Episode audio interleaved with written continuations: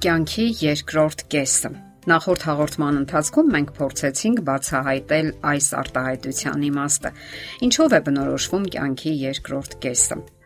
Մենք խոսեցինք որոշ բնորոշ նշանների մասին։ Կարևորներից մեկն այն է, որ կյանքի այդ ժամանակաշրջանում մենք բարդ հարցերն ուղղում ենք արդեն ոչ թե աշխարհին, այլ մեզ, եւ հենց մեզ ենք պատասխանատու համարում մեր թույլ տված սխալների ու բաց թողումների համար։ Մենք հասկանում ենք, որ աշխարհն ապրում է իր օրենքներով ու կանոններով, եւ նրա հոգը չէ, թե ես ինչ եմ զգում։ Հարկավոր է հասկանալ, որ երիտասարդությունը թափի ու նախաձեռնությունների ժամանակաշրջանն է, երբ մենք ներխուժում ենք կյանք եւ նրանից վերցնում մեր ուզածը։ Մենք շատ ակնկալիքներ ու սպասելիքներ ենք ունենում այդ ժամանակ կյանքից։ Մեզ սիրում են, մեզ հravirում են տարբեր տեղեր, Այդ թվում նաև որոշ աշխատանքներ հասանելի են մեզ համար, Հարցն այստեղ միայն դրամները չեն։ Մենք պարզապես ուժ ու երանգ ունեցող էակներ ենք։ Իսկ ահա կյանքի երկրորդ կեսում մտորումների սլակն արդեն ուղղվում է ոչ թե դեպի արտաքին աշխարհ, այլ դեպի մեր ներաշխարը։ Մեզ արդեն հետաքրքրում է, թե որքան ենք ծանոթ ինքներս մեզ հետ։ Ինչքանով ենք բավարարված մեր ձեռքբերումներով եւ կարևորվում են ոչ թե քանակական նվաճումները, այլ որակական։ Այդպես է լինում նաեւ ավելի հասուն ծեր տարիքում։ Հոկեբույժ Ալեքսեյ Ստեփանովը գրում է. Ես սուտ խոսած կլինեմ, եթե ասեմ, որ ծերությունը ճակատագրական ժամանակաշրջան չէ։ Հարվածի տակ է դրվում ողջ կյանքի իմաստը։ Միաժամանակ մի կարևոր հարց է լուծվում. ինչ առիթով ուրախանանք եւ ինչ առիթով տխրենք կամ զղջանք եւ հանուն ինչի ենք ապրում դրանից հետո։ Դա տարեց հասակի կարևոր հարցն է, եւ եթե այն չի լուծվում, մարդու կյանքի որակը ընկնում է։ Հասուն կամ տարեց մարդիկ հաճախ են թերթում ալբոմները եւ նայում իրենց լուսանկարներին։ Երիտասարդական տարիների լուսանկարները գուցե եւ ուրախացնեն, գուցե վհատեցնեն եւ ջլատեն առաջընթացի կամքը։ Մարդը բնականաբար ծանր է տանում իր տարիքի գիտակցումը, եւ այստեղ կարևորվում է մարդու արժեհամակարգը։ Աստծուն նրա հավերժական կյանքին հավատացող մարդիկ կարող են ավելի թեթև նայել անցնող կյանքին ու կորուստներին։ Երանդուն մարդիկ թոշակի անցնելուց հետո հաճախ շատ ցավոտ ու ծանր են տանում կյանքի այդ նոր ընթացքը։ Մեկ այլ հոգեբան Եկատերինա Գրյուկովան բարձաբանում է.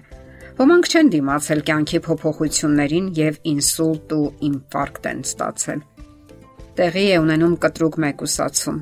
Մեկ օրում նրանք կյանքի սովորական երանդուն ռիթմից իրենց լքված ու մի կողմ նետված են զգում, եւ դա լուրջ սթրես է։ Խոսելով հոգեբան գիտնական Մորենոյի լեզվով մեր սոցիալական էությունը այլ մարդկանց միջոցով սոցիալական կյանքի հետ կապերը աղքատանում են, երբ մենք անցնում ենք թոշակի։ Բացի աշխատանքային ընկերներից ու ծանոթություններից, այդ ամենը սпасարկող մարդկանց հետ կապերը նույնպես կտրվում են։ Նվազում են նաև պակաս կարևոր կապերն ու շփումները, եւ մարդը կարծես հայտնվում է անոթ տարածության մեջ, այսպես ասած, վակուումում։ Այսպես օրինակ, աշխատելու ժամանակ մենք ունենք աշխատանքային հագուստի ձևավորված շրջանակ։ Այցելում ենք խանութներ, հագուստի կոշիկների արտաքին հարդարանքների համար։ Վարսավիրանոց ենք հաճախում, դիմահարդարում ենք անում, օծանելիքներ ենք գնում եւ այլն։ Սակայն թոշակի անցնելուց հետո դրանց քանակը կտրուկ նվազում է գործողումներ, ծանոթություններ, ճամփորդություններ, սրանց քանակը նույնպես աստիճանաբար նվազում է կամ ընդհանրապես դրանց մասին խոսելն ավելորդ է դառնում։ Այդ տարիքի մարդիկ նաև նկատում են, ընտանիքում նույնպես շատ բան է փոխվել։ Երեխաները մեծացել են, ունեն իրենց կյանքը, նվազել է փոխհարաբերությունների մակարդակը։ Թորների կյանքով այնքան էլ մեծ հնարավորություն չկա ապրելու, չեն վստահում տարեցների դասիրակությանը, շփմանը, իսկ երբեմն իրենք էլ չեն ցանկանում շփվել։ Սակայն ցանկացած մարդու անհրաժեշտ է մեկ այլ մարդու հետ շփում, ժամանակ անցկացնելու կոնկրետ կենթանի հմտություն եւ հնարավորություն, բայց ողջվում է, որ այդ հմտությունը եւս չկա։ Կան արդյոք մեղավորներ։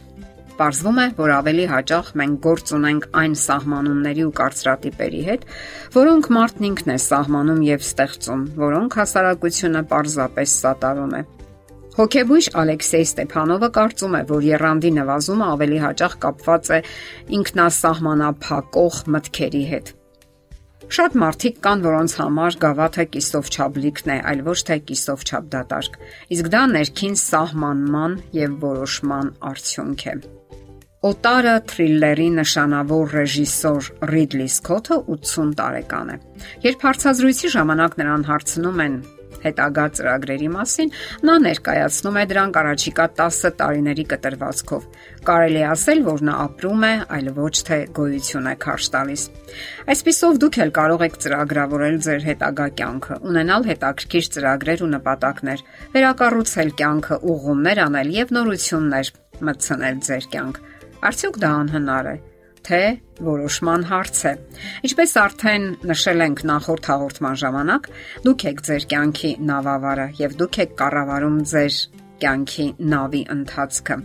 Պետք չէ վհատվել, հիասթափվել եւ իմացեք, որ աշխարհն ապրում է իր օրենքներով եւ իր կանոններով, որոնց ցուցակում դուք միանգամայն հնարավոր է որ չլինեք։